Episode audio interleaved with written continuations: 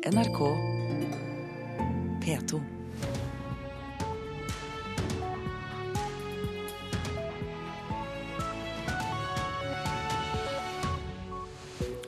Du lytter til Nyhetsmorgen på lille julaften tirsdag 23. desember.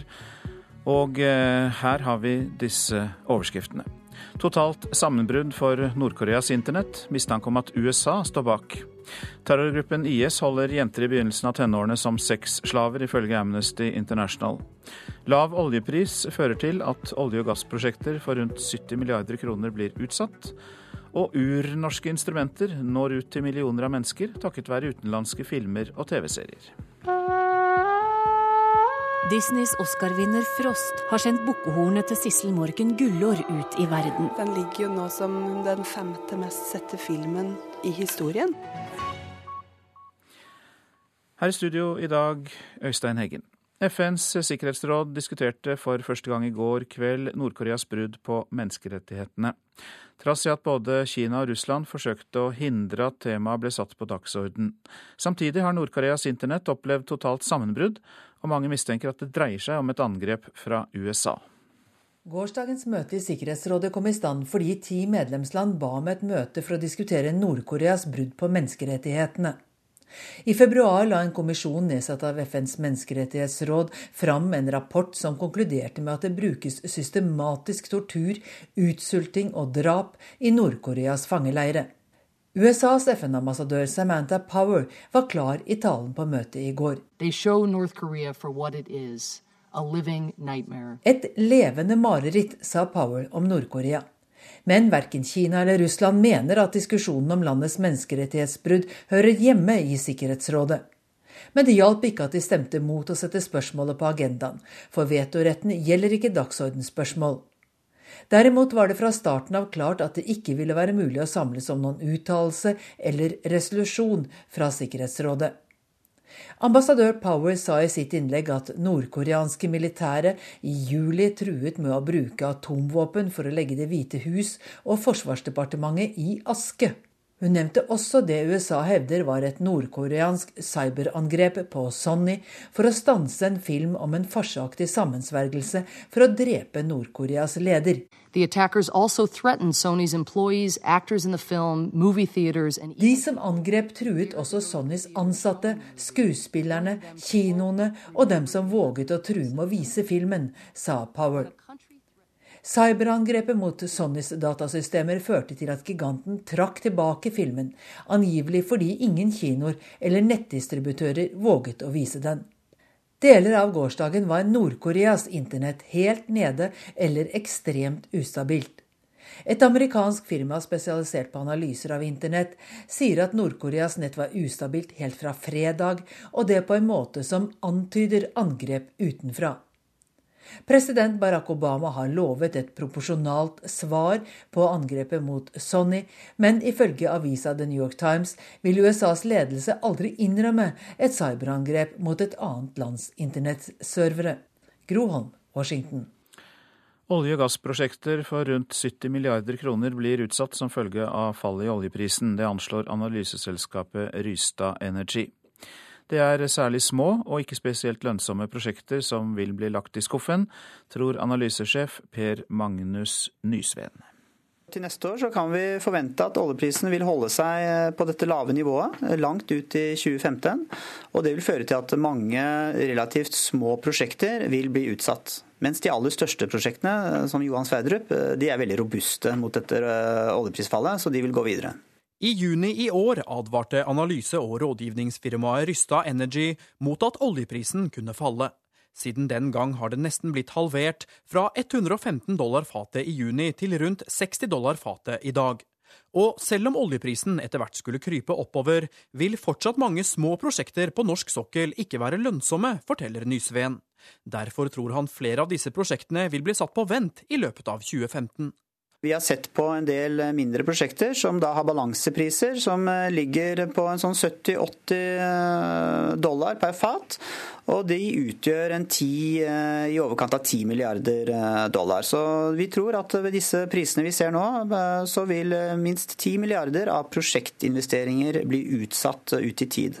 10 milliarder dollar er over 70 milliarder kroner med dagens dollarkurs, og det er særlig leverandørindustrien som vil merke det først. En leverandørindustri som allerede har kuttet flere tusen stillinger i år, som følge av at oljeselskapene har redusert på bl.a. vedlikehold og modifisering. De fulle effektene av oljeprisfallet på industrien, og norsk økonomi for øvrig, har vi ikke sett ennå, tror direktør Knut Sunde i Norsk Industri. Nei, vi har ikke det. For det er såpass nylig, dette oljeprisfallet. Det er en eh, nesten halvering av produktprisen på under et halvt år. Og Hadde det skjedd i et hvilket som helst vanlig marked, så hadde det vært uh, fullstendig bråstopp og, kjempeproblemer. Så det, er ikke rart at, at, det er, at, det er, relativt fundamentale problemer som, som, vi nå ser, og at vi ikke har sett det fulle effekten av det før vi kommer langt inn i 2015. Reporter, det var Halvar Halvard Norum. Og vi skal snakke litt mer om effektene av dette. Johannes Westersjø, god morgen til deg. Ja, god morgen.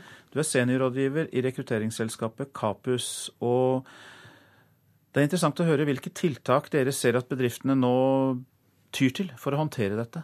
Ja, altså vi er jo en pulsmåler på mange måter. Vi har rundt 7000 intervjuer og 500 rekrutteringer i året spredt over store deler av østlandsområdet og Stavanger. Så det er klart, Umiddelbart så har vi jo sett det det snakkes om i Stavanger, med eh, antall ingeniører som nå plutselig står på døren vår og banker på. Og for bare et år siden så måtte vi lete etter dem. Mens eh, resten av østlandsområdet har fremdeles et bra trøkk. Og hvilke bedrifter er det? Olje- og gassnæring selvfølgelig, men også ting knyttet inn mot den sektoren? Ja, altså Det vi har opplevd, er jo faktisk at det har blitt en etterspørsel etter ulike former for forretningskontrollere, som går inn i virksomheten og sjekker mer enn regnskapet, men går inn også og ser på det operative. Er det ting vi kan gjøre for å drive vår virksomhet mer lønnsomt? Er det olje- og gassnæringen som etterspør det? Ja, men det har faktisk smittet over til veldig mange andre næringer. Så vi har aldri tidligere hatt så stor etterspørsel etter forretningskontrollere som det vi har hatt nå siste året. Så det er helt klart at flere retter seg opp i stolen og tenker at her må vi også være føre var og se hva vi kan gjøre med våre kostnader for å være sikre på at vi kommer gjennom dette.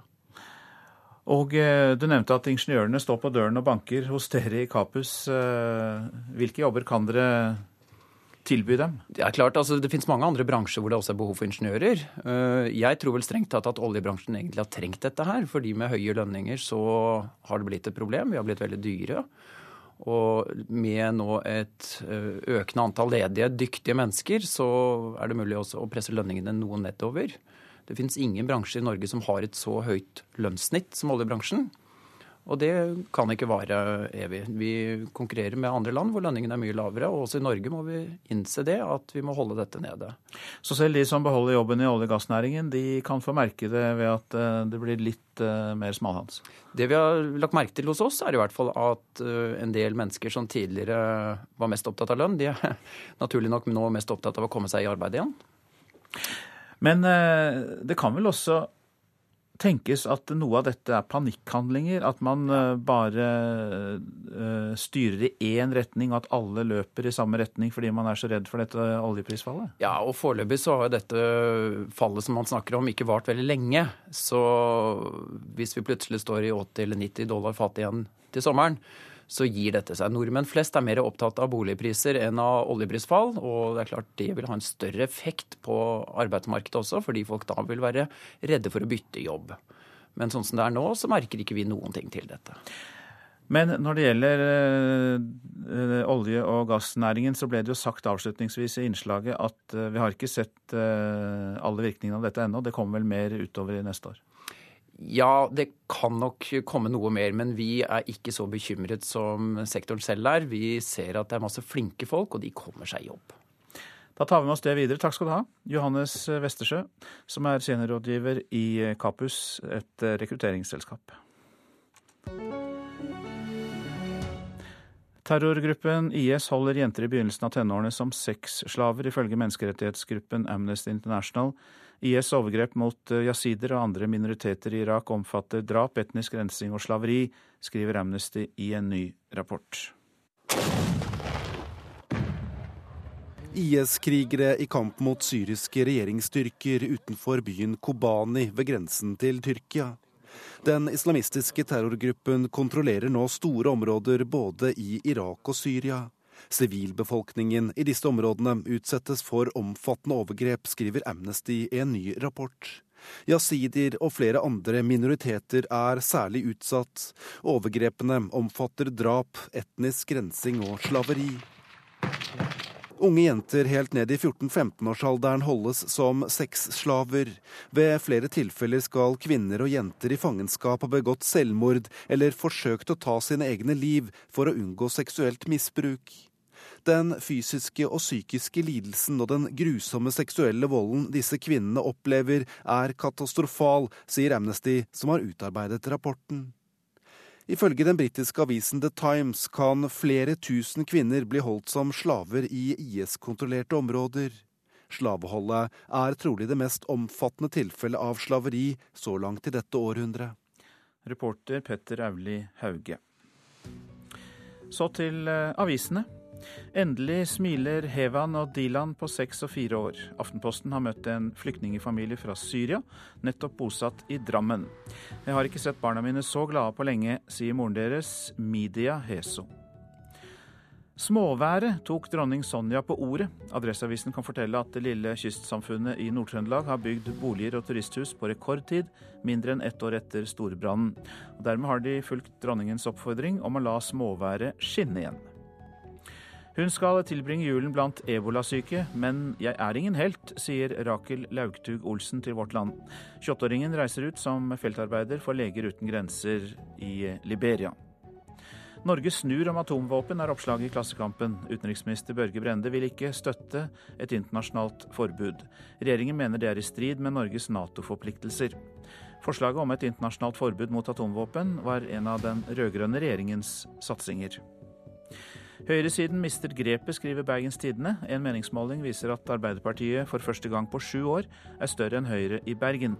En utfordring som stimulerer meg, sier Høyres byrådsleder Martin Smith-Sivertsen. Ber kyllingbønder være på vakt. Bondelagsleder Lars Petter Bartnes sier til Nasjonen at han frykter at dyrevernaktivistenes kameralinser i tida framover vil være rettet mot kyllingbøndene. Hva skal vi leve av etter oljen, spør Dagsavisen. Sjefen for Innovasjon Norge, Anita Krohn, har noen forslag. Høyteknologisk landbruk, havbruk, miljøteknologi, helseteknologi, vindmøller og annen fornybar energi. Men eksperter Finansavisen har snakket med, de mener at oljeprisen snart skal opp igjen, i hvert fall i løpet av første halvår neste år. Gjennomsnittet av spådommene havner på 70 dollar fatet. Nytt gigantsykehus for Oslo planlegges, men før den tid må de gamle sykehusene pusses opp for 3,3 milliarder, kan vi lese i Dagens Næringsliv. Det er et kjempeparadoks, sier hovedverneombud ved Oslo universitetssykehus, Per Oddvar Synnes. VG har møtt moren til mobbeofferet Odin, som tok sitt liv 13 år gammel. Foran den første julen uten sønnen forteller Katrine Olsen Gillerdalen om den tunge tiden, at hun skriver på en bok, og om arbeidet med Odinstiftelsen som skal bekjempe mobbing. Camilla Herrem mener det er viktig at så mange som mulig av spillerne som tok eh, EM-gull i helga, satser videre på landslaget. Mange av de mest rutinerte håndballspillerne vurderer dette fra mesterskap til mesterskap. Aller viktigst mener Herrem at Heidi Løke ikke gir seg. Angrepsspillet vårt bærer noe helt annet, og hun er, altså, hun er verdens beste strekspiller. Det er så enkelt. Så enkelt er det egentlig. Men like enkelt er det ikke for Heidi Løke. Familielivet i Gjør i Ungarn må komme først. Strekspilleren hadde en pause fra landslaget, men ble med til EM i siste liten. Nå skal det gjøres nye vurderinger om framtida. For meg så handler det om ting som skal gå opp, eh, også på hjemmebane. Jeg har en sønn som går på skole i Ungarn. Linn Kristin Riglot Koren og Karoline Dyhre Breivang er også blant de mest rutinerte. Etter hvert mesterskap må det vurderes på nytt om landslagssatsing lar seg gjøre. Altså, så lenge jeg er motivert og har det gøy og fortsetter å synes det er moro, så, så ser jeg ikke noen begrensninger på ting. Det er sånn man alltid tar en vurdering på om kroppen holder, motivasjonen er der, og Mia Torer har lyst til at jeg skal være med. På laget som ble europamester i helgen, var det en god blanding av rutinerte og urutinerte spillere. Camilla Herrem tror det beste for Norge er å jobbe videre med dette laget, uten altfor store utskiftninger mot OL i Rio. Det er sjelden man finner et sånt, et sånt, et sånt lag som dette, sånn skikkelig innsatslag. og altså, Man gir seg aldri. det er noe man må bare prøve å ta med videre i mange år. Og Heidi Løke mener Herrem er den aller viktigste. Hun er villig til å strekke seg langt for at Norge skal fortsette med Løke på strek. Da får man ha til litt der òg. Jeg kan, kan sitte litt barnevakt sånn jeg òg, hvis det trengs hjelp, eller Ja, å hjelpe Alexander med ungarsken, det tror jeg ikke blir så lett. Men uh, han har uh, ting som han må gjøre i Ungarn, så Men uh, det får vi ta nå etter EM, og så får vi se. Og reporter var Vibeke Unnhjem. Klokka er 6.46 straks. Dette er hovedsaker i Nyhetsmorgen. Terrorgruppen IS holder jenter i begynnelsen av tenårene som sexslaver, ifølge Amnesty. Totalt sammenbrudd for Nord-Koreas internett, mistanke om at USA står bak. Lav oljepris fører til at olje- og gassprosjekter for rundt 70 milliarder kroner blir utsatt. Og nå kan vi gjøre oss opp vår mening om Orderud-saken. Privatetterforsker Tore Sandberg legger sine funn i drapssaken ut på nettet. Mer om det snart. Natt til 29. oktober eh, så vaska Opo vekk flere hus og bygninger i Odda. Gerd Espe var en av dem som ble rammet av elvas herjinger og mistet hjemmet og alt hun eide. Nå har hun fått et nytt sted å bo. To måneder etter storflommen ser hun fram til det nye året, men fortsatt med Opo som nærmeste nabo. Jeg har gjort av det, da. Du vet, jeg har ikke system på noe slag, jeg ennå. Jeg er på besøk i den nye leiligheten til Gerd Espe nesten to måneder etter at huset hennes ble vaska vekk av flaumen i Odda natt til 29. oktober. Der er huset. Der oppe bodde jeg. Det som forsvant. Noen fotoalbum og litt småting som ble funnet drivende i Sørfjorden, er alt som er att etter 78-åringen mista alt hun eide den natta. Du veit, den dagen så jeg elva at hun var svær. Nå skal jeg stikke ned og skal se hvor langt inn hun er kommet. Jeg sprang ned, åpna døra og kikka på elva. Og gud bevare meg vel, tenkte jeg. Her kom det siloballer deisende ned igjen. Og her kom det bildekk deisende ned igjen. Og all slags rusk og pas.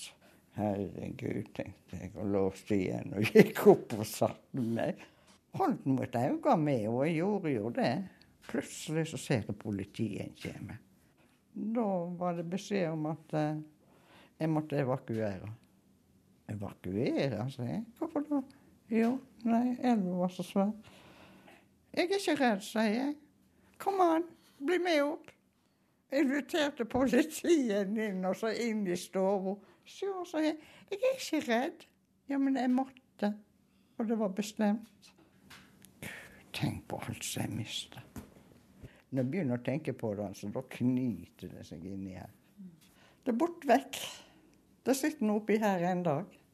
Så lenge en er noenlunde klar oppi toppen, så. Men hadde du sett elva så stor før?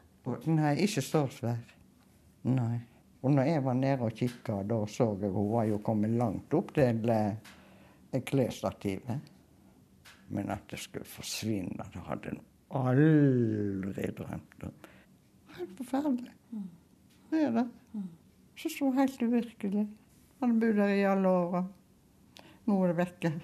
Men sjøl om Opo tok alt hun eide, takk hun likevel ja til å bo i det samme nabolaget hun hadde vokst opp i siden 1953. Gud, det var ledig her oppe. Åh, jeg har ikke tvil i min sjel. Jeg skal opp igjen i Opoveien. Jeg har bodd her i alle år. Sant? Alt var kjent. Naboer og alt. Så da var jeg happy. Der var jeg. Her er jo så fint at For at oddingene som bor ved elva skal føle seg trygge i det nye året som kommer, er ordfører i Odda kommune Jon Oppdal klar på hva som må bli gjort. De offentlige myndighetene altså, de må bevilge nok penger til NVE, slik at de kan gjøre ferdig det arbeidet sitt. Og lage den framsikringa 100 og Bygge opp en mur langs elva, slik at, at de som bor langs elva har en sikker og god bolig der de bor. Det tror jeg haster med å, å, å få til. Den flomsikringen må jo også ta høyde for enda større flom i framtida. Er du redd for at det i løpet av kort tid kan komme en, en ny flom? Det vil jeg sikkert gjøre. Eh, redd skal vi ikke være. Vi skal, vi skal ta de forhåndsreglene som, som, vi er i stand til å ta. Det er viktig at vi gjør tiltak noe som gjør at eh, flomskaden blir mindre enn den ble den gangen her. Du var aldri i tvil om at du skulle tilbake til Oppoverveien? Nei, ikke når det ble tips om at det var ledig der. Men når du hører elva, syns du ikke at det Gjør meg ingenting. Har vinduet litt på gløtt om kvelden når jeg legger meg og ligger og hører på elvasusen som fer. Saudisene. Det er det. Ja. Er vant til det, veit du. Mm. Men forstår du de som opplever det, som ikke vil tilbake igjen? Ja. I bunn og grunn så gjør jeg det. Men uh, jeg er nå glad for jeg kom tilbake. Det er Her du vil bo? Ja, det er det. Her jeg hører hjemme. du er en optimist? Ja, men skal ikke vi være det, da? Hæ? Jeg har det bra her. ja, det sa Geir Despe, og reporter var Tale Hauso. Privatetterforsker Tore Sandberg vil legge ut sine nye funn i Orderud-saken på nettet. På den måten kan folk flest selv se hva som er grunnlaget når saken blir begjært gjenopptatt på nyåret. Sandberg sier han hadde tenkt på dette lenge før den populære amerikanske radiopodkasten Serial, men skjønner at man kan trekke sammenligning. Ja, jeg gjør det. Og jeg kjenner ikke til at, at dette er blitt gjort på denne måten før i Norge. Siden 2006 har privatetterforsker Tore Sandberg med flere jobba med å samle sammen opplysninger for å få gjennomtatt Orderud-saken. Arbeidet er finansiert av Per og Veronica Orderud. Etter planen skal det sendes inn en begjæring til gjenopptakelseskommisjonen i februar. Det er i den forbindelse Sandberg planlegger å legge ut deler av det nye materialet på nett i fire 20-minutters sendinger. Det er fortsatt uoppklart hvem som drepte Anne Orderud Paust og foreldrene Marie og Christian Orderud i Sørum i Akershus i 1999. De fire som ble dømt i saken i 2002, er dømt for medvirkning. Sandberg sitter nå på bl.a. vitneforklaringer, undersøkelser og resultatet av rekonstruksjoner, som han mener kaster nytt lys over saken.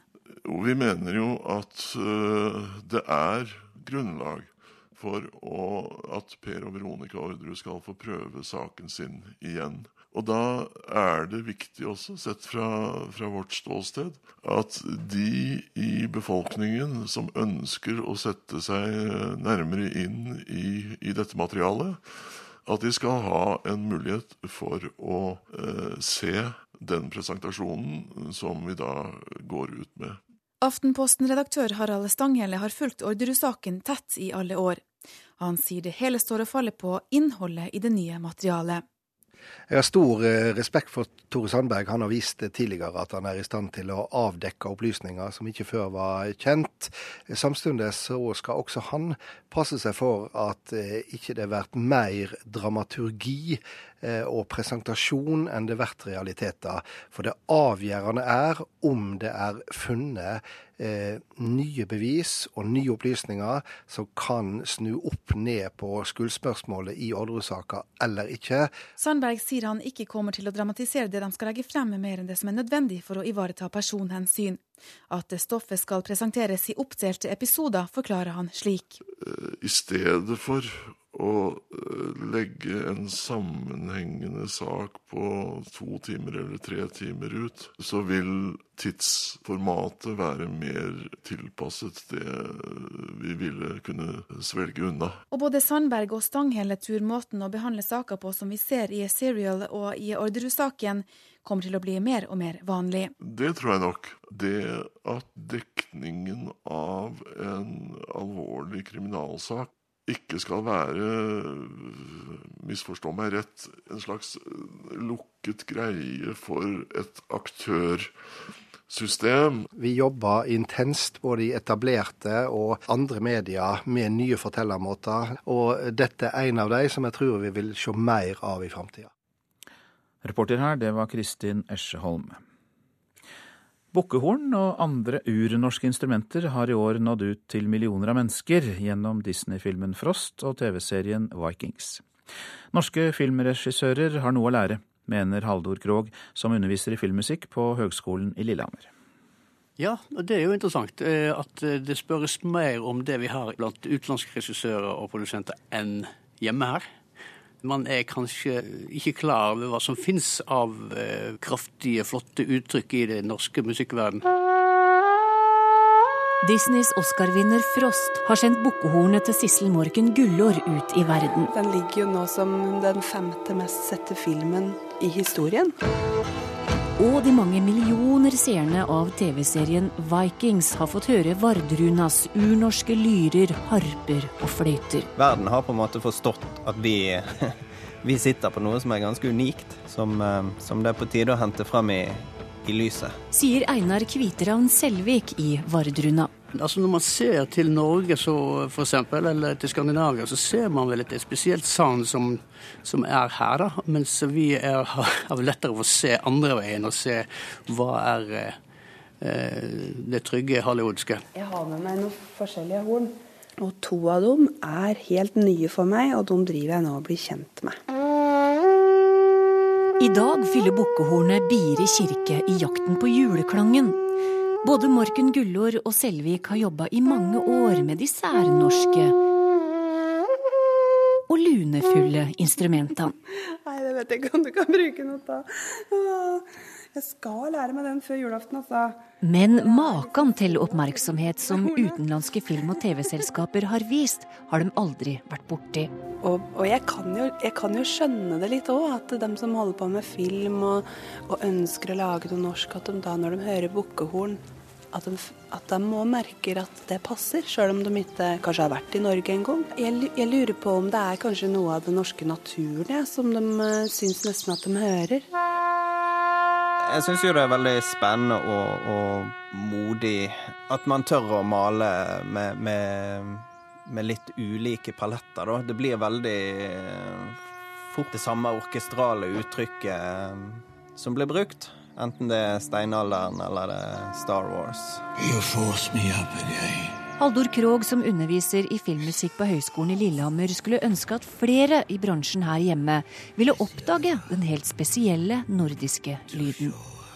Hva gjør musikk med film? Jo, det er den som gir den, den ekstra emosjonelle trøkket i filmen. Litt ønske er jo at man da tar mer tak i det type musikalske uttrykket og får det til å til å bli en del, større del av eh, vår musikalske, nordiske, norske forståelse. Den reportasjen var laget av Torunn Myhre. Og så skal vi snakke om hvilke steder som kan få snø til julaften. Fjellet i Sør-Norge, vestlig stiv kuling utsatte steder. I kveld minkende vind. Snøbyger, vesentlig i vest. Østlandet sørvest periodevis liten kuling på kysten. Oppholdsvær, perioder med sol, lokal tåke. Telemark sørvest periodevis liten kuling på kysten. Enkelte snøbyger lengst vest i Telemark, men ellers oppholdsvær og litt sol. Agder stiv eh, kuling vest for Lindesnes. Regnbyger. Snø over ca. 500 meter. Lite nedbør i øst.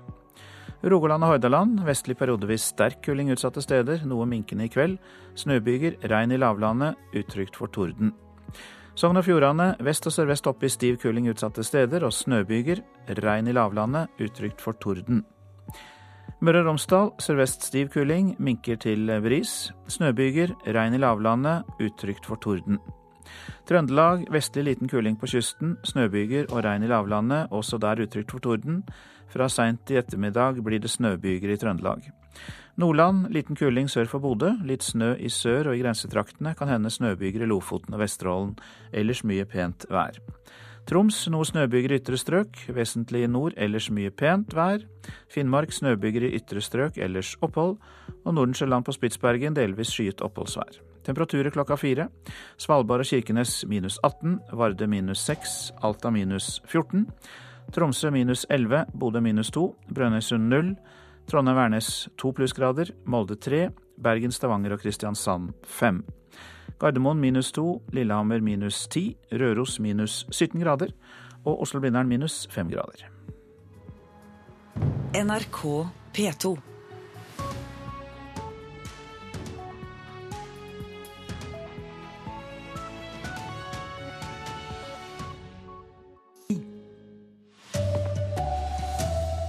Den blå regjeringa vil ikke støtte et internasjonalt krav om forbud mot atomvåpen.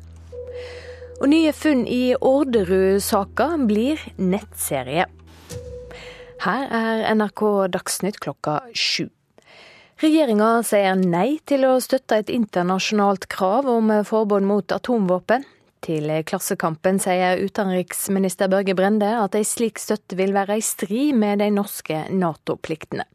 Arbeidet med et atomvåpenforbud var ei satsing for den rød-grønne regjeringa, men nå er altså landets to største parti usamde om hvordan Norge skal stille seg til atomvåpennedrustning. Tirsdag for to uker siden lovte den østerrikske regjeringen at landet skal jobbe for et folkerettslig forbud mot atomvåpen. Løftet er en fortsettelse av et nedrustningsinitiativ som den rød-grønne regjeringen i Norge sparket i gang i 2013.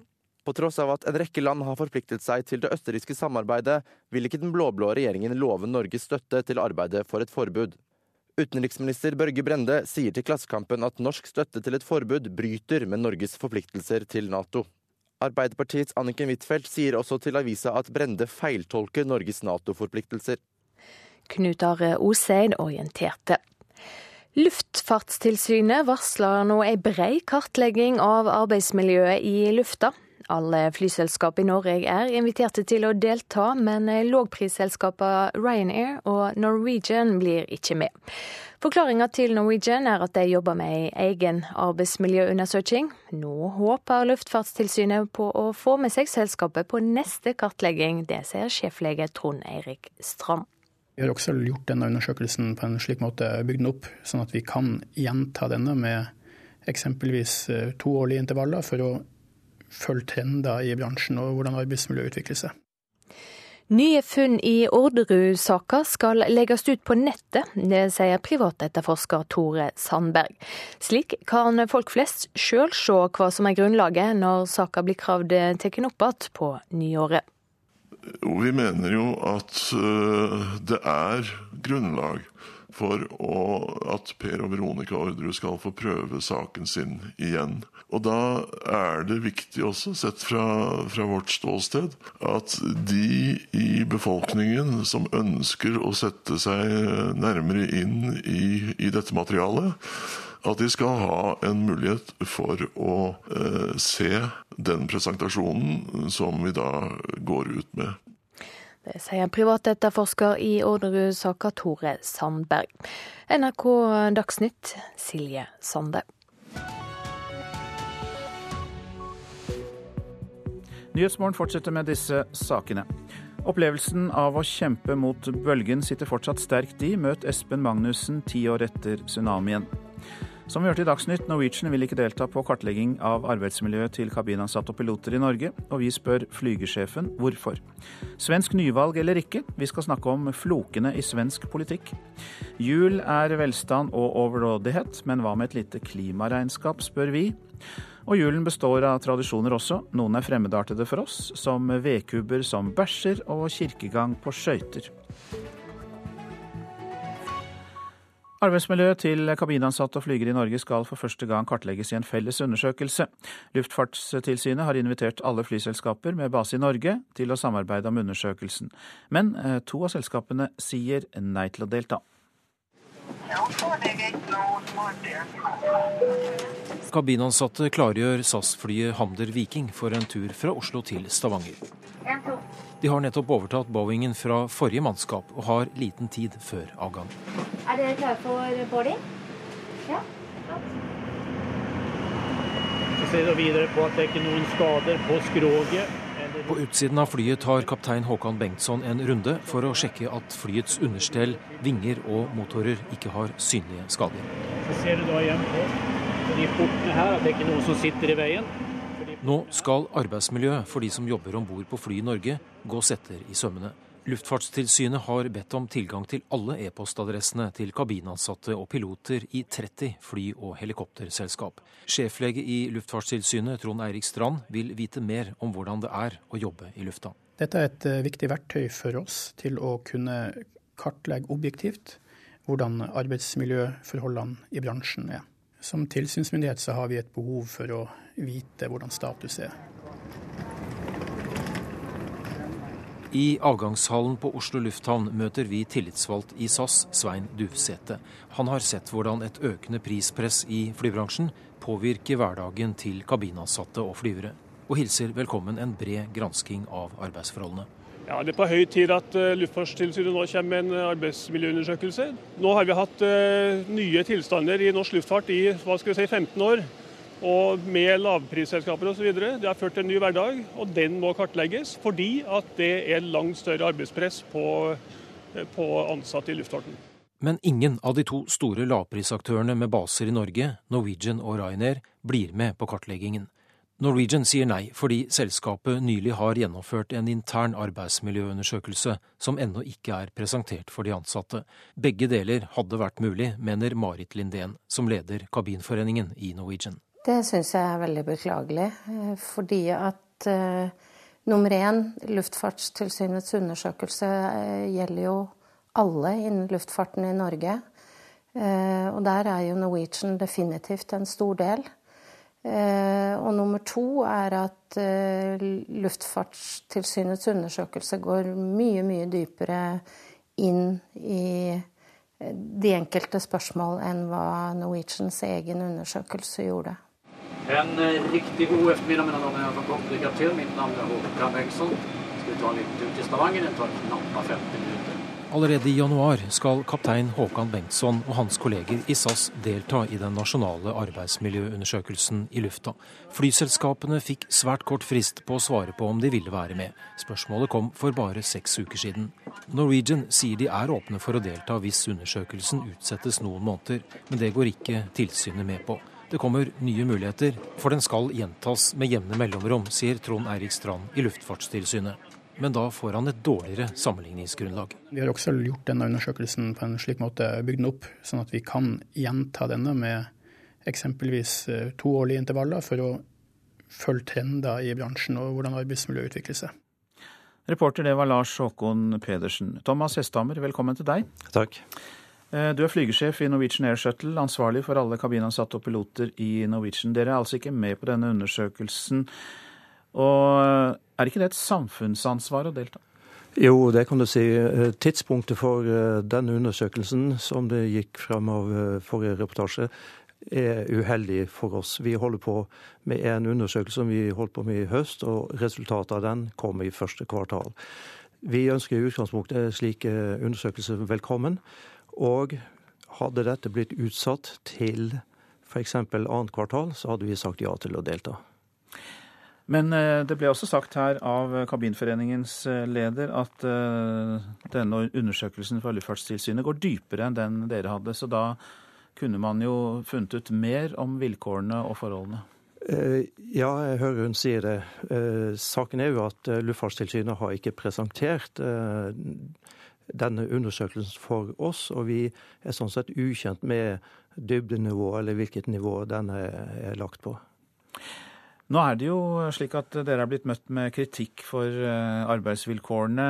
Og eh, er det kun eh, praktiske detaljer mm, når vi snakker om tidspunktet for undersøkelsen som er årsaken, eller er dere redd for det man kan finne? Nei, vi er ikke redd for det vi kan finne, eller det man kan finne. Vi, men eh, vi har også en annen undersøkelse som pågår, eller har pågått også i høst. En sikkerhetsklimaundersøkelse blant pilotene. Og vi ser det svært uheldig at vi kommer da med en tredje undersøkelse før vi har fått uh, presentert resultatet av de to første. Nå er det jo eh, økt konkurranse, det vet vi, i flybransjen. Og forholdene er ganske annerledes enn de var for en 10-15 år siden. Er du bekymret som leder for piloter og kabinansatte for kortere pauser og lengre vakter? Nei, jeg er ikke bekymret, men uh, dette er jo noe vi har veldig stor fokus på. Og, og jeg mener at uh, slik vi praktiserer det i Norwegian, så er, er, si, er vi vel innenfor arbeids- og uh, fritidsreglene som er definert av EASA. Og I tillegg så har vi ganske stor fokus, eller veldig stor fokus på fatigue risk management. Altså dette med eh, trøtte og søvnige piloter og kabinansatte. Ja, Hva gjør dere med det? Vi analyserer alle rapporter som kommer inn, og vi foretar korrigeringer der vi finner at dette er et forhold. Det var jo en demonstrasjon utenfor Stortinget for noen dager siden eh, av piloter. og Da var det en av eh, de som eh, vel var ansatt i SAS, som fryktet at man kunne risikere ulykker nettopp pga. tretthet blant eh, pilotene. Hvilke tanker gjør du deg om det? Det får stå for hans eh, regning. Vi eh, går veldig alvorlig inn i alle fatigue-rapporter. Og vi, vi, mener at vi har en god kontroll med dette her. Myndighetene er også på, på banen når det gjelder disse tingene. Vi mener at dette er veldefinert. Nå sier dere at dere kan tenke dere å være med hvis det kommer en ny undersøkelse seinere fra Luftfartstilsynet. Vil dere stille noen vilkår da, eller vil dere si greit, vi blir med på neste undersøkelse? Nei, Vi vil jo gjerne vite hva undersøkelsen går ut på, men uh, vi stiller ikke vilkår til, uh, til, en slik undersøkelse. Så lenge den foregår på et nøytralt uh, nivå, for, for å si det slik. Så svaret er vel egentlig ganske klart, Thomas Estammer. Eh, neste undersøkelse fra Luftfartstilsynet, er dere villige til å være med på? Det kan jeg svare ja til. Men eh, jeg vil også legge til at, eh, at, det hadde vært fint om vi fikk vite om undersøkelsen i god tid på forhånd, slik at vi kunne tilpasse våre interne planer til undersøkelsen. Takk skal du ha. Du er flygesjef i Norwegian Air Shuttle.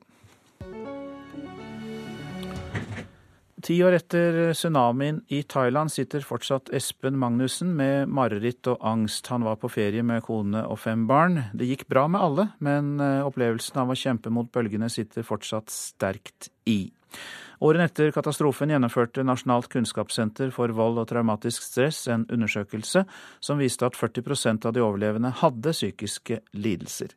Like mange har det trolig vanskelig i dag. Det sier forsker Trond Heier. Du ser hotellet. Og kreftene på vannet den var jo såpass sterke at den flytta den bakerste veggen, så det ble en sånn sprekk i veggen. Han viser en video av tsunamibølgen som brøyter seg fram, filmet av noen svensker fra samme hotell. Espen Magnussen var på Kamla Beach i Phuket for ti år siden. Ti år etter så, så gir det fremdeles de samme følelsene. Jeg kan få fysiske reaksjoner av det. Hvordan da? Nei, at jeg kjenner eh, mens vi snakker, så, så, kan jeg kjenne at jeg begynner å fryse. At jeg får litt sånn skjelving i kroppen. På ferie med storfamilien den gang. Det gikk bra med alle. Men sjokket, vannmassene og en kort tid hvor de var borte fra hverandre, har preget han siden. I etterkant så, så har jeg hatt uh, tider med, med, depresjon. Jeg har, hatt, uh, jeg har slitt mye med konsentrasjonsvansker.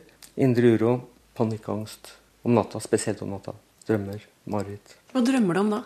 Det er jo mye forskjellig. Stort sett så drømmer jeg om tap. Tap av familier, familiemedlemmer. At jeg, at jeg slåss og slåss og slåss, og at jeg aldri, at jeg aldri greier å, å gjøre om på, på, ting som er i ferd med å skje. da. Espen har fått påvist posttraumatisk stresslidelse. En undersøkelse som ble utført av Nasjonalt kunnskapssenter om vold og traumatisk stress to og seks år etter tsunamien, viste at 40% av overlevende hadde psykiske lidelser. For pårørende var det én av tre.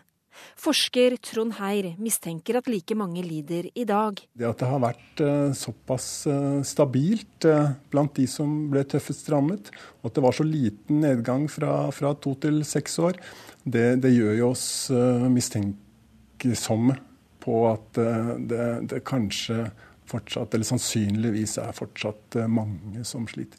Heir sier mange sliter med søvn. De blir utslitt av å være på jobb fordi de alltid er i beredskap. Det har vært en tøff påkjenning. Og det er mulig også at store nasjonale hendelser har større konsekvenser enn mindre hendelser. Mm. Hjemme i stua i Nittedal. Espen kjempet i mange år for å få behandling og for å forstå hva han slet med. Det tok egentlig ganske lang tid. Jeg skjønte at det var noe som var gærent, men jeg, jeg skamma meg nok ganske mye for, eh, for, at det var sånn. Så jeg, Hvorfor det, da?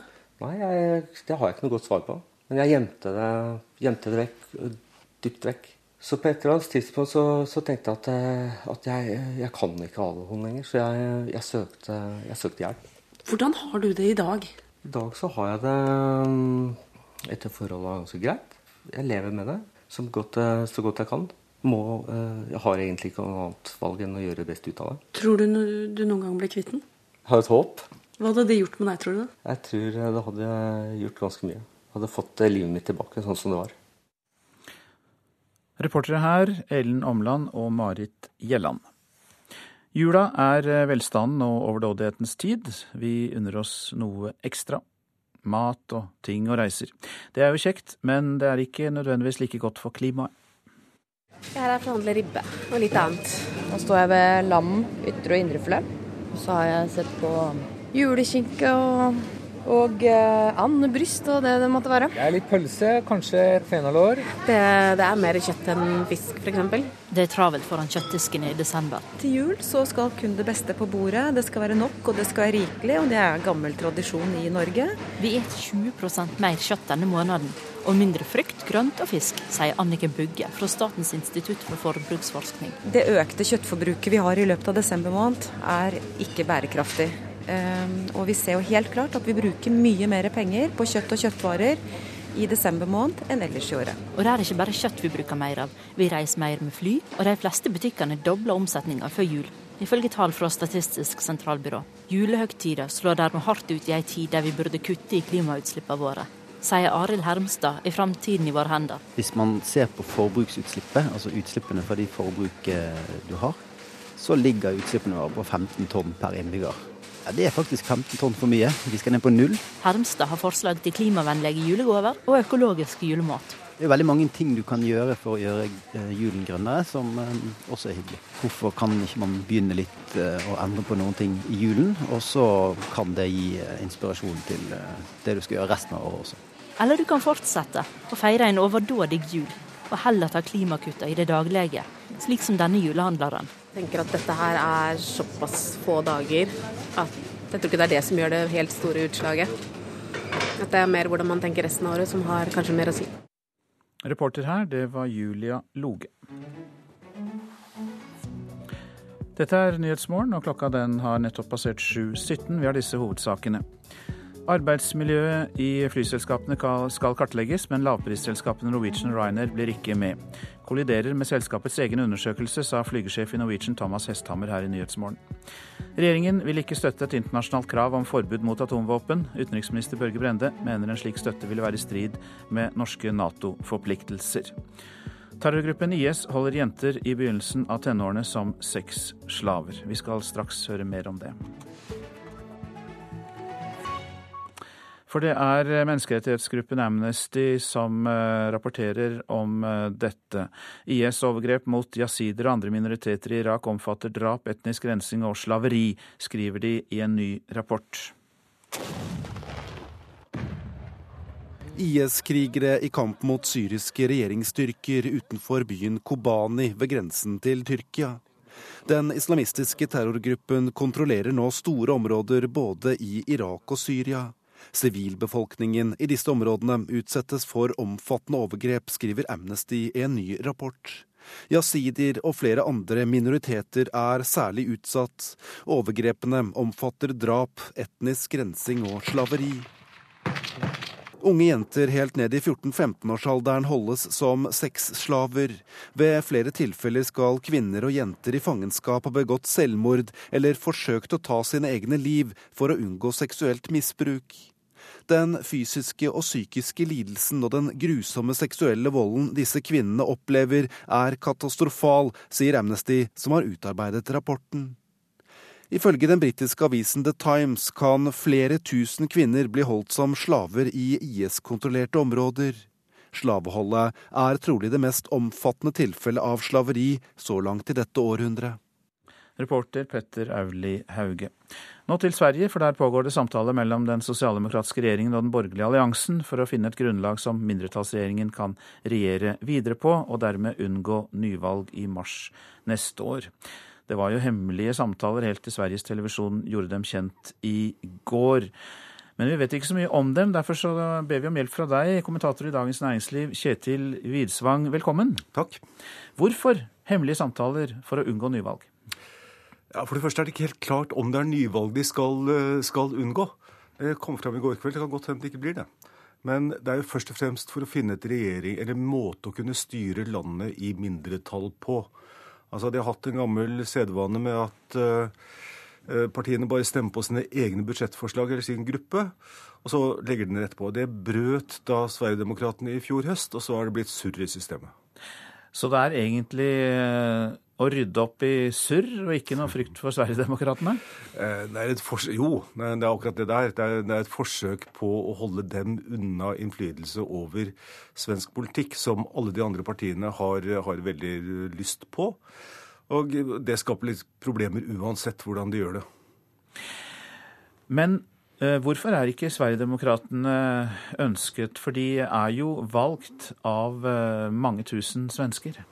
Ja, altså De kan jo minne om sånn som Dansk Folkeparti og en del andre partier i Europa som har innflytelse i politikken fordi de gjerne ligger på ytre høyre fløy og stemmer på høyrepartiene har noe med Sveriges politiske tradisjon å gjøre. Altså, De har ikke denne bakgrunnen i populistiske folke, folkebevegelser, men sånn bakover til eh, partier med lett brunskjær og den slags, som de andre avskyr dypt og intenst.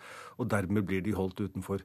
Men det er klart, Uansett, altså de, Det var jo mange hundre tusen mennesker som stemte på dem. De fikk rundt 13% eh, Altså Hvordan man skal gjøre det, blir komplisert. Og nesten uansett hvilken løsning de velger, så får de demokratiske utfordringer. Og den løsningen de nå er ute etter, er altså da en eh, måte å kunne regjere på med en mindretallsregjering, altså fortsatt sosialdemokratisk eh, regjering. Hvilke grep kan det tenkes at de da prøver å komme fram til? Jeg ser det er satt opp eh, tre alternativer. En er at de lager en regelendring, slik at eh, partiene bare kan stemme på sitt eget budsjettforslag, og ikke alternativt på noen, andre. Enten man gjør det med en lovendring, eller at de gjør det som et slags sånn gentleman's agreement mellom de etablerte partiene. En annen mulighet er at man får en politisk avtale på tvers av blokkgrensene, og eh, får en slags sånn rød-blå rød koalisjon. Men alt er vrient, for hvis du lager en sånn regelendring, så kan påpekt at Sverigedemokraterna, hvis de vil uh, stikke kjepper i hjul, så kan de jo bare la være å stemme på sitt eget budsjettforslag og stemme på, på de andre, så, så er jo akkurat, akkurat like langt. Og uh, som en sa i går kveld, at det er problematisk uh, altså Én ting er at man kan, kan, lage nye regler, det er greit, men hvis de gjør det akkurat nå og avlyser valget, så har det litt desperasjonspreg. Så det kan godt hende de lager endringen, men likevel holder valg. Ok, så det er ikke enten-eller her. Det kan hende Nei. at de, de, prøver å rydde opp i reglene og så likevel eh, avholde valg i mars. Så det, det, er ikke noe klart svar på det ennå. Nei da. Alt, eh, alt er stille foreløpig. Takk skal du ha, kommentator i Dagens Næringsliv Kjetil Widsvang, eh, for at du kom hit til Nyhetsmorgen. Men jeg har ikke gitt meg helt med avisene, for nå skal vi snakke om hva de har på forsidene. Endelig smiler Hevan og Dilan på seks og fire år. Aftenposten har møtt en flyktningfamilie fra Syria, nettopp bosatt i Drammen. Jeg har ikke sett barna mine så glade på lenge, sier moren deres, Midia Heso. Småværet tok dronning Sonja på ordet. Adresseavisen kan fortelle at det lille kystsamfunnet i Nord-Trøndelag har bygd boliger og turisthus på rekordtid, mindre enn ett år etter storbrannen. Og dermed har de fulgt dronningens oppfordring om å la småværet skinne igjen. Hun skal tilbringe julen blant ebolasyke, men jeg er ingen helt, sier Rakel Lautug Olsen til Vårt Land. 28-åringen reiser ut som feltarbeider for Leger uten grenser i Liberia. Norge snur om atomvåpen, er oppslaget i Klassekampen. Utenriksminister Børge Brende vil ikke støtte et internasjonalt forbud. Regjeringen mener det er i strid med Norges Nato-forpliktelser. Forslaget om et internasjonalt forbud mot atomvåpen var en av den rød-grønne regjeringens satsinger. Høyresiden mister grepet, skriver Bergens Tidende. En meningsmåling viser at Arbeiderpartiet første gang på sju år er større enn Høyre i Bergen. En utfordring som stimulerer meg, sier Høyres byrådsleder Martin Smith-Sivertsen. Ber kyllingbøndene være på vakt. Bondelagsleder Lars Petter Bartnes sier til Nasjonen at han frykter at dyrevernaktivistenes kameralinser i tiden fremover vil være rettet mot kyllingbønder. Hva skal vi leve av etter oljen, spør Dagsavisen. Sjefen for Innovasjon Norge, Anita Krohn Traaseth, peker på høyteknologisk landbruk, havbruk, miljøteknologi, helseteknologi, vindmøller og annen fornybar energi. Eksperter Finansavisen har snakket med, mener at oljeprisen skal opp igjen neste år. Gjennomsnittet av disse spådommene havner på 70 dollar fatet. Nytt gigantsykehus for Oslo planlegges, men for den tid må de gamle sykehusene pusses opp for 3,3 milliarder, kan vi lese i Dagens Næringsliv. Det er et kjempeparadoks, sier hovedverneombud ved Oslo universitetssykehus, Per Oddvar Synnes. VG har møtt moren til mobbeofferet Odin, som tok sitt liv 13 år gammel. Foran den første julen uten sønnen forteller Katrine Olsen Gillerdalen om den tunge tiden, at hun skriver på en bok, og hun forteller om arbeidet med Odin-stiftelsen, som skal bekjempe mobbing. Vedkubber som bæsjer, onde trollkjerringer som koker og spiser slemme barn, kirkegang på rulleskøyter og kvinner som kaster sko. Ja, det er ikke småtteri. Advents- og juletradisjonene verden over er svært forskjellige og ganske underlige, vil mange si. Cagatio, avellanas y turrons. Bæsj, kubbe, bæsj nougat, hvis ikke slår jeg deg med stokken min, synger Isabel Monteagudo. Vi møter henne på den spanske ambassaden, der hun forteller oss om katalanske juletradisjoner. I løpet av adventstiden setter foreldrene i den nordspanske provinsen fram en vedkubbe med et smilende fjes og rød lue. I dagene fram mot jul gir barna ham litt å spise hver kveld, og på julaften synger de for kubben, og så vanker det gaver. Men eh, så, selv om sangen eh, sier at, eh, at, du ber ham om å, om å få godteri, så du, fikk, eh, du får gave. På Island skremmes barna med Gryla. Hun er ei trollkjerring med tre hoder. Hun bærer på 100 sekker. Oppi dem kan hun legge barn som ikke er snille, og så koker hun dem og spiser dem opp. Med seg har hun også 13 skremselsvetter eller jolasveiner, og de har med seg små førjulsgaver til barn som oppfører seg pent. Både katolikker og protestanter har tradisjon for å gå i kirken minst én gang i løpet av jula. Men i Venezuela kommer folk seg til messen på et litt uvanlig vis. Fra 16. til 24. desember er det vanlig å gå til morgenmesse, og av en eller annen grunn har det blitt tradisjon å ta seg til kirken på rulleskøyter.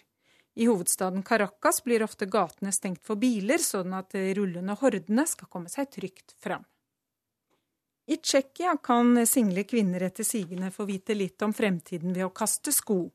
Den skal kastes over skulderen mot døren første juledag. Og hvis tuppen peker ut av huset, er det bare å sette i gang med bryllupsplanleggingen. Tilbake i Catalonia, der det ikke bare er trekubber som gjør sitt fornødne i julestria. Når krybben skal settes fram, finner man gjerne også en figur på huk i ferd med å lette seg. Kaganer kalles denne, og navnet spiller på det som leveres. Det heter seg at figuren bringer lykke og hell og fruktbar jord. Isabel, som har vokst opp med disse tradisjonene, sier hun ikke helt hadde tenkt over at skikkene var litt pussige, før hun kom hit til Norge. De har aldri tenkt Hvorfor det? Hvorfor dere katalanske folk har to tradisjoner på jul som er så viktige for dere, som har så, så, så mye å gjøre med å vaske. Ja, det sa Isabel Monteagudo, som er konsulent ved den spanske ambassaden, og du kan se bilder av disse figurene og lese om enda flere juletradisjoner på nrk.no. Reporter var Marit Kolberg.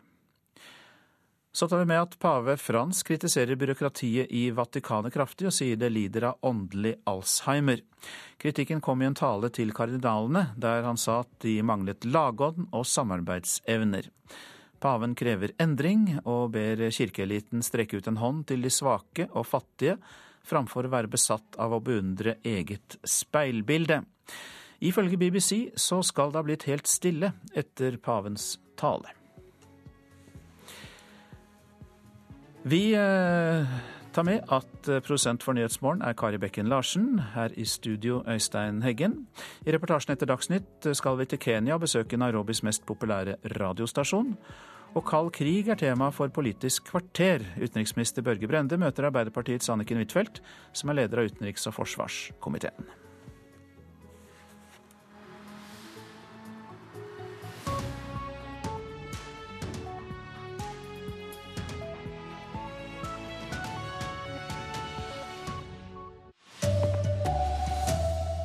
Arbeidsmiljøet i norsk luftfart skal kartlegges, men lågprisselskaper vil ikke være med. Den blå regjeringa sier nei til å støtte et internasjonalt forbud mot atomvåpen. Og mange som overlevde tsunamien for ti år siden, har fremdeles angst og mareritt om kjempebølger. Her er NRK Dagsnytt klokka 7.30. Arbeidsmiljøet til kabintilsatte og flygere i Norge skal kartlegges. Luftfartstilsynet ønsker å finne ut hvordan det sterke prispresset i flybransjen påvirker hverdagen til de ansatte. Men ingen av lågprisselskapene blir med på kartlegginga. En eh, riktig god eftermiddag, mine damer og herrer. Lykke til. Mitt navn er Håkan Bengtsson. Mannskapet på SAS-fly Hamder Viking gjør seg klare til en tur mellom Oslo og Stavanger. De siste åra har prispresset gjort det tøffere å jobbe om bord på norske fly. Kortere pauser, lengre dager og i noen tilfeller mindre lønn. Nå ønsker Luftfartstilsynet å foreta en nasjonal kartlegging av arbeidsmiljøet i lufta, sier sjeflege i tilsynet Trond Eirikstrand. Denne undersøkelsen skal først og fremst gi Luftfartstilsynet et godt bilde, et objektivt bilde av hvordan de ansatte opplever sin arbeidshverdag. Det er sånn eh, rat race, som vi sier på engelsk. Altså at det går, eh, det går, rundt og rundt og rundt, og rundt, så blir det bare verre og verre. Passasjer Ingebjørg Michaelsen flyr stadig på langdistanseruter mellom Norge og Asia, og synes ofte synd på de som jobber på flyene. Tillitsvalgt for flyverne i SAS, Svein Duesete, mener det er på høy tid med en uavhengig arbeidsmiljøundersøkelse. Med lavprisselskaper osv. Det har ført til en ny hverdag, og den må kartlegges fordi at det er langt større arbeidspress. Men verken Norwegian eller Ryanair, de to store lavprisselskapene med baser i Norge, blir med på den første kartleggingen. Forklaringen til Norwegian er at de nettopp har gjort en egen arbeidsmiljøundersøkelse, og at de ikke synes det passer med enda en. Dermed vil det bli en haltende undersøkelse. Beklagelig, sier leder av kabinforeningen i Norwegian, Marit Lindén. Jeg vil oppfordre ledelsen til å delta i undersøkelsen. Den vil gi et uh, tydeligere bilde av hvor vi også står uh, i Norge blant de andre selskapene. Reporter Lars Håkon Pedersen. Regjeringa vil ikke støtte et internasjonalt krav om forbud mot atomvåpen. Utenriksminister Børge Brende mener en slik støtte vil være i strid med de norske Nato-pliktene. Det skriver Klassekampen i dag. Arbeidet med et atomvåpenforbud var en av de rød-grønne regjeringa sine satsinger i utenrikspolitikken, og Arbeiderpartiet reagerer kraftig på at regjeringa endrer kurs. Og du er med meg på telefon nå, utenriksminister Børge Brende. Hvorfor vil ikke regjeringa støtte et slikt internasjonalt forbud? Vi viderefører den linja som var lagt i forrige stortingsperiode, nemlig at Norge jobber for eh, visjonen om et atomvåpenfritt samfunn. Men som eh, Jens Stoltenberg eh, sa i vår, da han var Arbeiderpartiets leder, er at det ikke er mulig for Norge å være med på en forbudslinje gjennom vårt eh, Nato-medlemskap, så lenge det finnes atomvåpen f.eks. i Nord-Korea, eh, Kina og Russland. Men eh, forbud tok ikke den forrige regjeringa opp. De jobba for visjonen om et atomvåpenfritt samfunn, og vi har ikke endra den linja. Men er det ikke litt pussig at den eh, forrige regjeringa starta et internasjonalt arbeid om dette, og det sier at det er umulig? Vi støtter det som den forrige regjeringa starta, nemlig visjonen om et atomvåpenfritt samfunn. Det er klart ingen som ønsker at det skal være kjernevåpen i verden. Men Norge kan ikke som eneste Nato-land gå ut og si at Nato skal fjerne atomvåpnene og være med på et forbud, før man får en internasjonal eh, enighet om dette. Og alle vet jo at det er ikke det som nå først og fremst står på dagsordenen. Det som virkelig haster, det er å forhindre at atomvåpen spres til nye makter, til terrorister. Og så skal man òg uh, ha med seg dette viktige arbeidet fremover. Visjonen om at atomvåpen uh, de bør selvsagt avskaffes, men det må skje i en bred sammenheng og må skje i en Nato-sammenheng. Takk så langt, Børge Brende. Og i Politisk kvarter like etter Dagsnytt møter Brende Anniken Huitfeldt fra Arbeiderpartiet til debatt. Ti år etter tsunamien i Thailand er mareritt og angst fremdeles en del av hverdagen for familiefar Espen Magnussen. Han var på ferie med kone og fem barn. Det gikk bra med alle, men kjensla av å kjempe mot bølger sitter fremdeles i. Og det gjelder mange av de overlevende. Han viser en video av tsunamibølgen som brøyter seg fram. Filmet av noen svensker fra samme hotell. Espen Magnussen var på Kamla Beach i Phuket for ti år siden. Ti år etter så, så, gir det fremdeles de samme følelsene. Jeg kan få fysiske reaksjoner av det. Mens vi snakker, så, så kan jeg kjenne at jeg begynner å fryse. At jeg får litt sånn skjelving i kroppen. På ferie med storfamilien den gang. Det gikk bra med alle. Men sjokket, vannmassene og en kort tid hvor de var borte fra hverandre, har preget han siden. I etterkant så, så har jeg hatt uh, tider med, med, depresjon. Jeg har, hatt, uh, jeg har slitt mye med konsentrasjonsvansker. Indre uro, panikkangst. Om natta, spesielt om natta. Drømmer, mareritt. Espen har fått påvist posttraumatisk stresslidelse. En undersøkelse som ble utført av Nasjonalt kunnskapssenter om vold og traumatisk stress to og seks år etter tsunamien, viste at 40% av overlevende hadde psykiske lidelser. For pårørende var det én av tre. Forsker Trond Heir mistenker at like mange lider i dag. Det at det har vært uh, såpass uh, stabilt uh, blant de som ble tøffest rammet, og at det var så liten nedgang fra, fra to til seks år, det, det, gjør jo oss mistenksomme på at det, det kanskje fortsatt, eller sannsynligvis er fortsatt mange som sliter. Hjemme i stua i Nittedal. Espen kjempet i mange år for å få behandling og for å forstå hva han slet med. Det tok egentlig ganske lang tid. Skjønte at det var noe som var gærent, men jeg, jeg skamma meg ganske mye for, eh, for at det var sånn. Reportere Ellen Omland og Marit Gjelland. Tryggingsrådet i FN diskuterte for første gang i går kveld Nord-Korea sine brudd på menneskerettene. Det trass i at både Kina og Russland forsøkte å hindre at saka kom opp. Gårsdagens møte i Sikkerhetsrådet kom i stand fordi ti medlemsland ba om et møte for å diskutere Nord-Koreas brudd på menneskerettighetene. I februar la en kommisjon nedsatt av FNs menneskerettighetsråd fram en rapport som konkluderte med at det brukes systematisk tortur, utsulting og drap i Nord-Koreas fangeleire. USAs FN-ambassadør Samantha Power var klar i talen på møtet i går. Et levende mareritt, sa Power om Nord-Korea. Men verken Kina eller Russland mener at diskusjonen om landets menneskerettighetsbrudd hører hjemme i Sikkerhetsrådet. Men det hjalp ikke at de stemte mot å sette spørsmålet på agendaen, for vetoretten gjelder ikke dagsordensspørsmål. Ambassadør Power nevnte også det USA hevder var et nordkoreansk cyberangrep på Sonny for å stanse en film om en farsaktig sammensvergelse for å drepe Nord-Koreas leder. Deler av gårsdagen var Nord-Koreas internett helt nede eller ekstremt ustabilt. Et amerikansk firma spesialisert på analyser av internett sier at Nord-Koreas nett var ustabilt helt fra fredag, og det på en måte som antyder angrep utenfra. President Barack Obama har lovet et proporsjonalt svar på angrepet mot Sonny, men ifølge avisa The New York Times vil USAs ledelse aldri innrømme et cyberangrep mot et annet lands internettservere. Groholm, Washington. Nye funn i Orderud-saka skal legges ut på nettet. Det sier privatetterforsker Tore Sandberg. Slik kan folk flest sjøl se hva som er grunnlaget når saka blir kravd tatt opp igjen på nyåret. Vi mener jo at eh, det er grunnlag for at Per og Veronica Orderud skal få prøve saken sin igjen. Og da er det viktig også, sett fra, fra, vårt ståsted, at de i befolkningen som ønsker å sette seg nærmere inn i, i dette materialet, at de skal ha en mulighet for å eh, se den presentasjonen som vi da går ut med.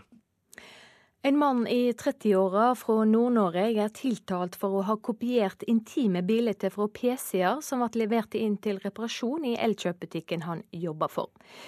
Mannen, som var leder i dataavdelinga, er også tiltalt for å ha satt opp et videokamera i damegarderoben på jobben, og for brudd på våpenlova. Det skriver VG.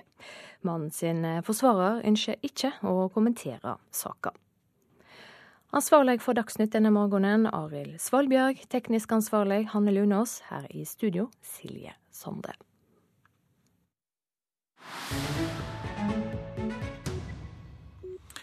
Du lytter til eh, Nyhetsmorgen.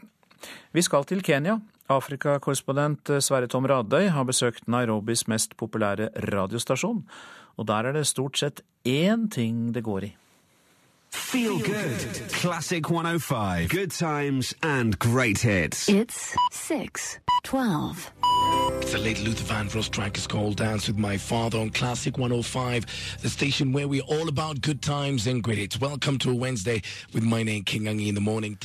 Han har snakketøyet i orden, Maina, den store radiostjernen i Kenya, som flere millioner lyttere er på fornavn med. As we talk about what this lady called in on, on Thursday and said I want to tell Mene Når han presenterer dagens store tema, The Topic of the Day, kan du se det på trafikkbildet fra Viktoriasjøen til Mombasa, sies det. Farten senkes, noen svinger av og tar en pause i en busslomme. Det er vel ikke helt sant, men det gjelder å få med seg det som garantert blir samtaletema nummer én i lunsjen den dagen.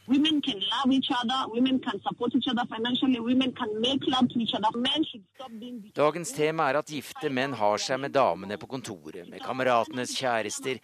De feier over konas villige venninner, bardamer og de som tar seg betalt for slikt. That's deep, deep, deep, deep. Hello, good morning. Morning to you. If we can keep our men and keep our mouth shut, Yeah.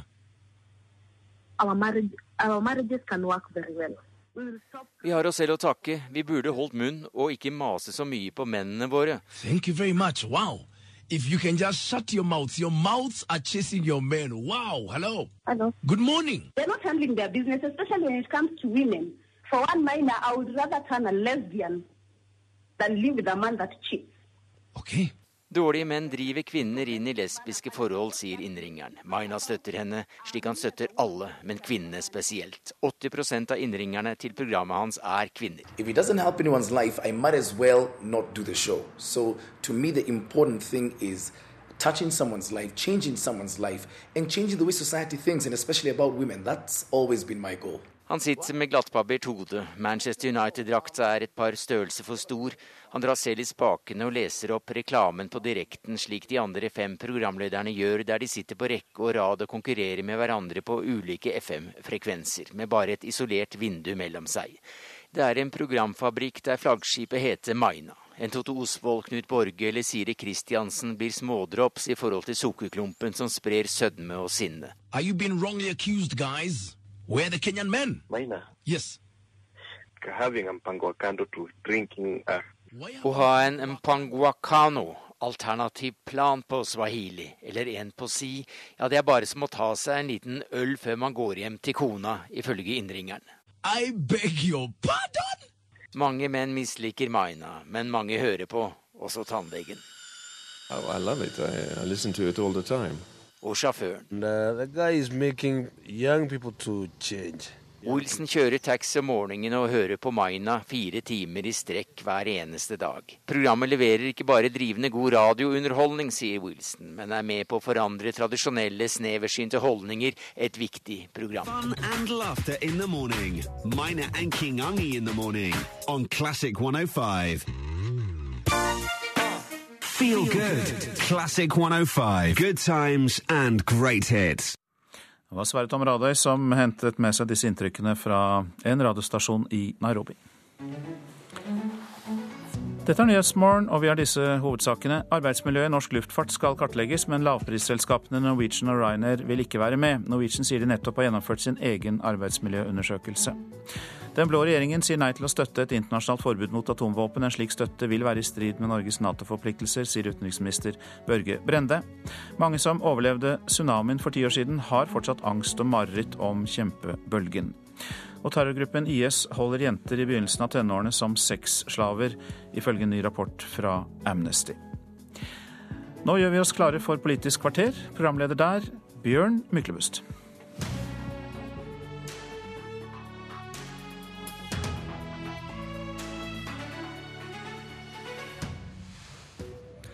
Ble 2014 året da den kalde krigen kom tilbake.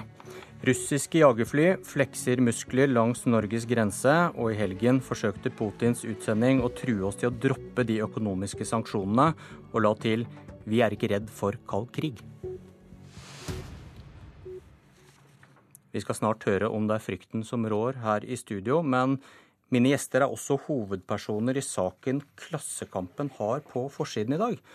Utenriksminister Børge Brende fra Høyre, velkommen til Politisk kvarter. Tusen takk. Overskriften lyder 'Norge snur om atomvåpen', fordi regjeringen da ikke vil støtte et forbud.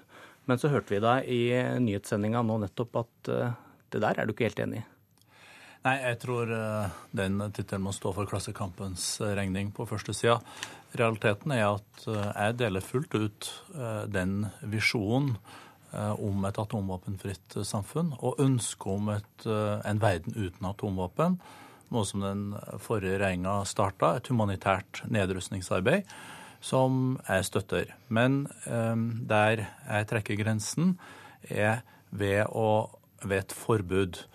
Vi kan etter min mening eh, ikke i dag eh, legge på bordet som eneste Nato-land eh, et forbud, som Jens Stoltenberg sa i vår, da han fortsatt var Arbeiderpartiets leder, at så lenge det eksisterer atomvåpen, så vil Nato ha atomvåpen. Men vi må ikke snakke forbi hverandre her, for jeg syns det er et viktig initiativ.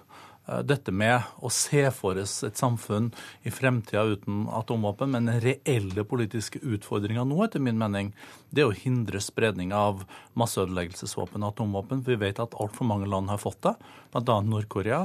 Eh, vi vet at Pakistan har eh, atomvåpen, og vi må hindre at flere får det, og ikke minst terrorister. Leder av Stortingets utenriks- og forsvarskomité, Anniken Huitfeldt fra Arbeiderpartiet. Hva er det dere er uenige om, hvis, som Brende sier, at de har ikke snudd? Um, det vi først og fremst er uenige om, er vel at jeg mener at denne regjeringen har en noe defensiv holdning i disse forhandlingene. Norge var jo med på å ta initiativ til en internasjonal konferanse som skulle se på de humanitære konsekvensene av atomvåpen. Det var den tredje konferansen i Østerrike nettopp. Og det er argumenter for ikke å slutte seg til det østerrikske initiativet, slik utenriksministeren sier. Men det er klart at her må Norge gå foran. Vi har gjort det innenfor Nato, hvor de strategiske betydningen av atomvåpen er redusert hvor vi har fått nye formuleringer omkring Natos bruk av atomvåpen.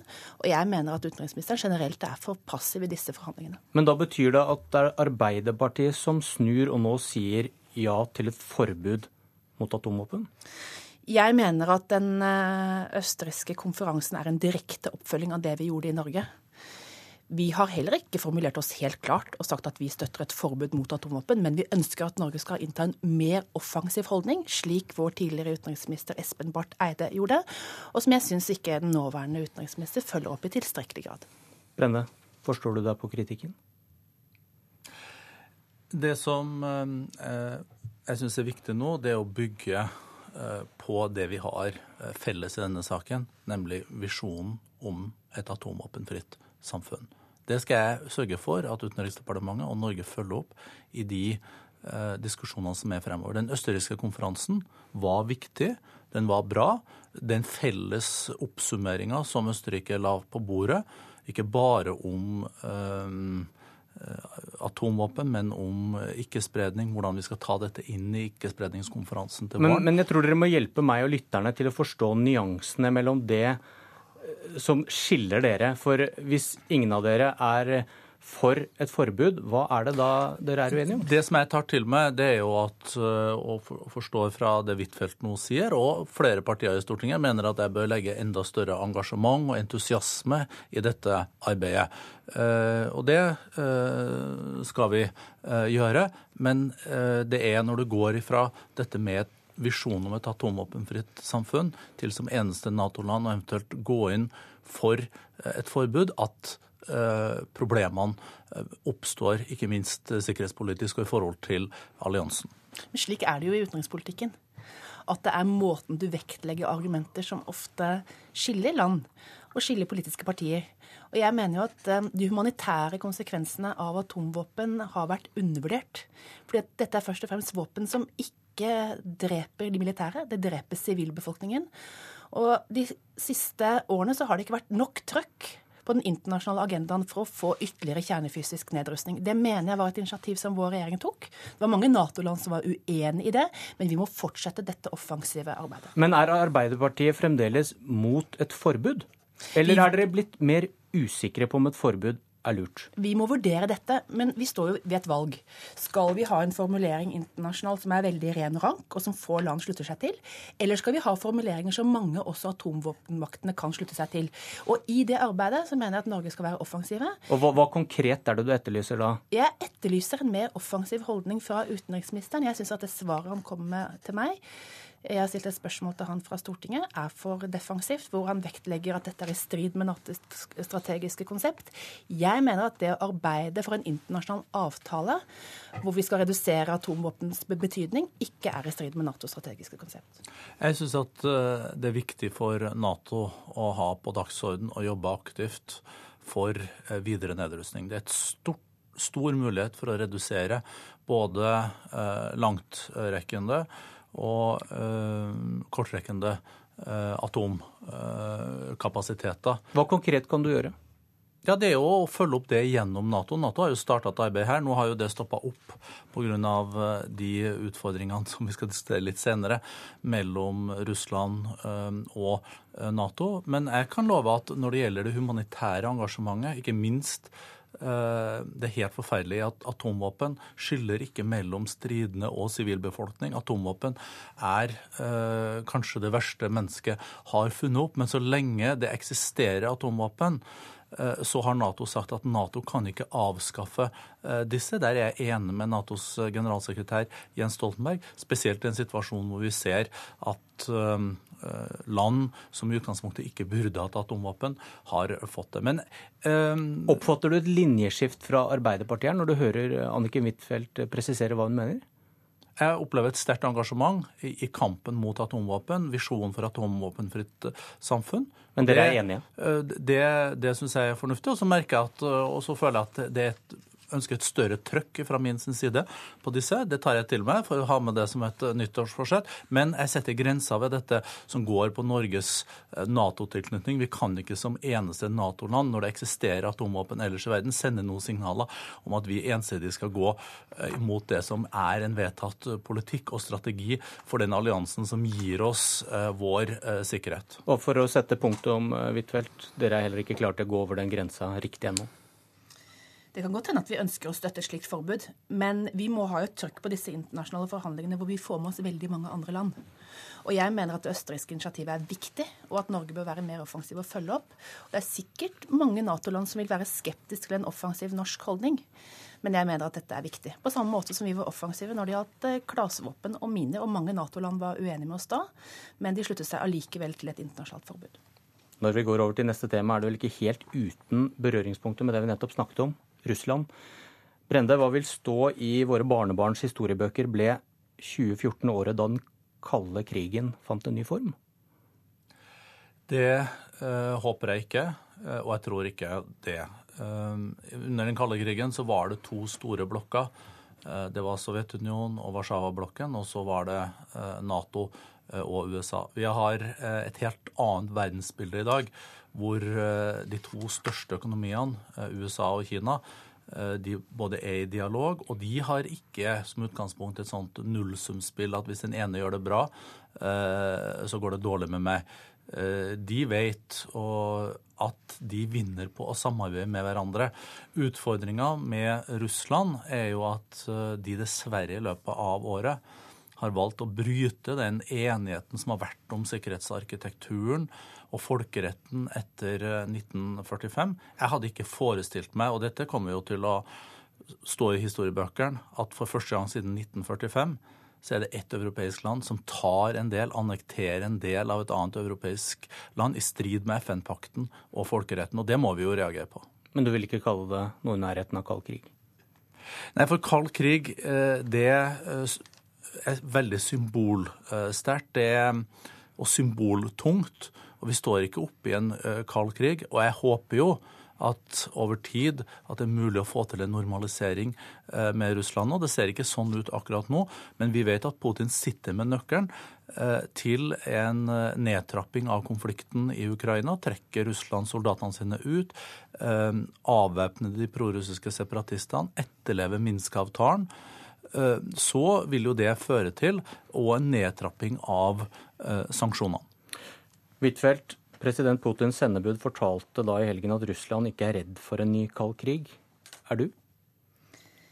Det er ikke en kald krigssituasjon nå. Vi har jo langt eh, mer samarbeid enn tidligere når det gjelder miljø, på forskning, langt mer folk-til-folk-samarbeid. Det er en grense vi har til Russland i nord hvor det er flere passeringer enn noen gang.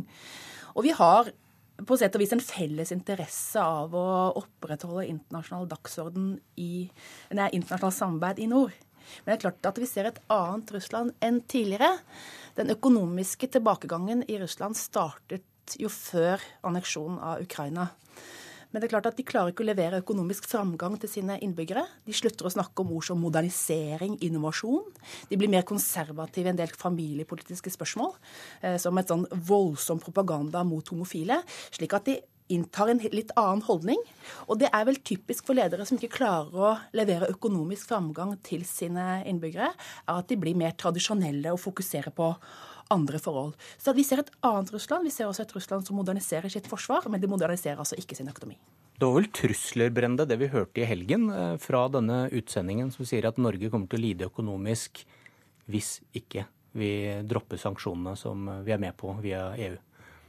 Jeg tror vi skal ta med en klype salt eh, denne eh, utsendingens uttalelser, hvis vi ser på hvem som har kommet tapende ut av denne runden økonomisk, så er det vel eh, så langt eh, Russland. De betaler en høy pris økonomisk nå for sine folkerettsbrudd i Ukraina, og ikke minst et mellomstor økonomi i utkanten av Europa som har havområder som er seks ganger større enn våre landområder, så har Norge ingenting å gi når det gjelder folkeretten og respekten for andre landsgrenser. Det ville vært utenkelig for oss å ikke stått sammen med våre allierte og Europa i å sende et sterkt signal om man kan ikke ta en del av et annet land.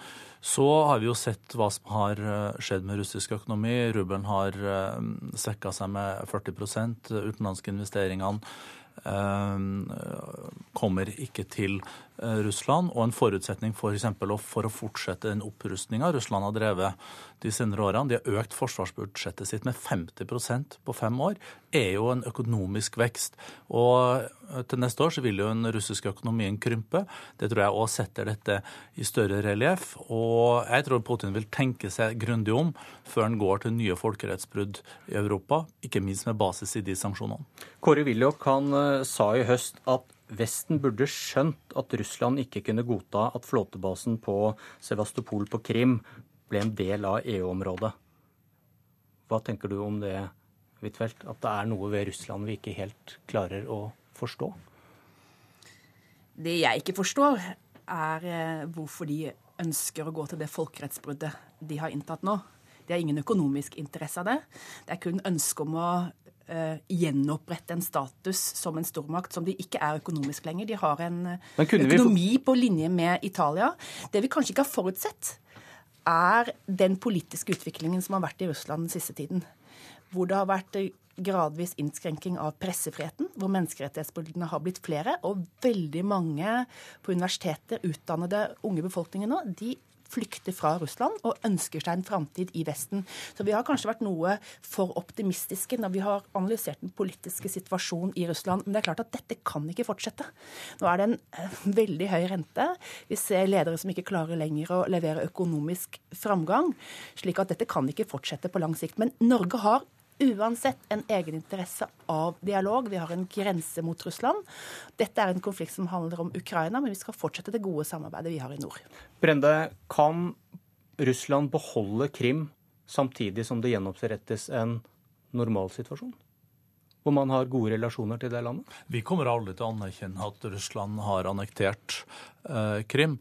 Men det som er, jeg syns det er gode vurderinger av Huitfeldt nå foretok, så jeg kan slutte meg til de. Det som bekymrer meg mest for 2015, er jo de lovløse tilstandene som har oppstått i de østlige delene av Ukraina, i Donbass. Det er fremmedkrigere som kommer inn. Eh, det er tusenvis av mennesker som er drept. Den humanitære situasjonen er vanskelig. Og vi må ikke ende opp i en situasjon hvor ekstremister får kontroll med et stort område i hjertet av Europa. Utenriksminister Børge Brende, Anniken Huitfeldt, takk for at dere var med i Politisk kvarter. Vi er tilbake i morgen. Hør på oss da, kvart på åtte. Hør flere podkaster på nrk.no podkast.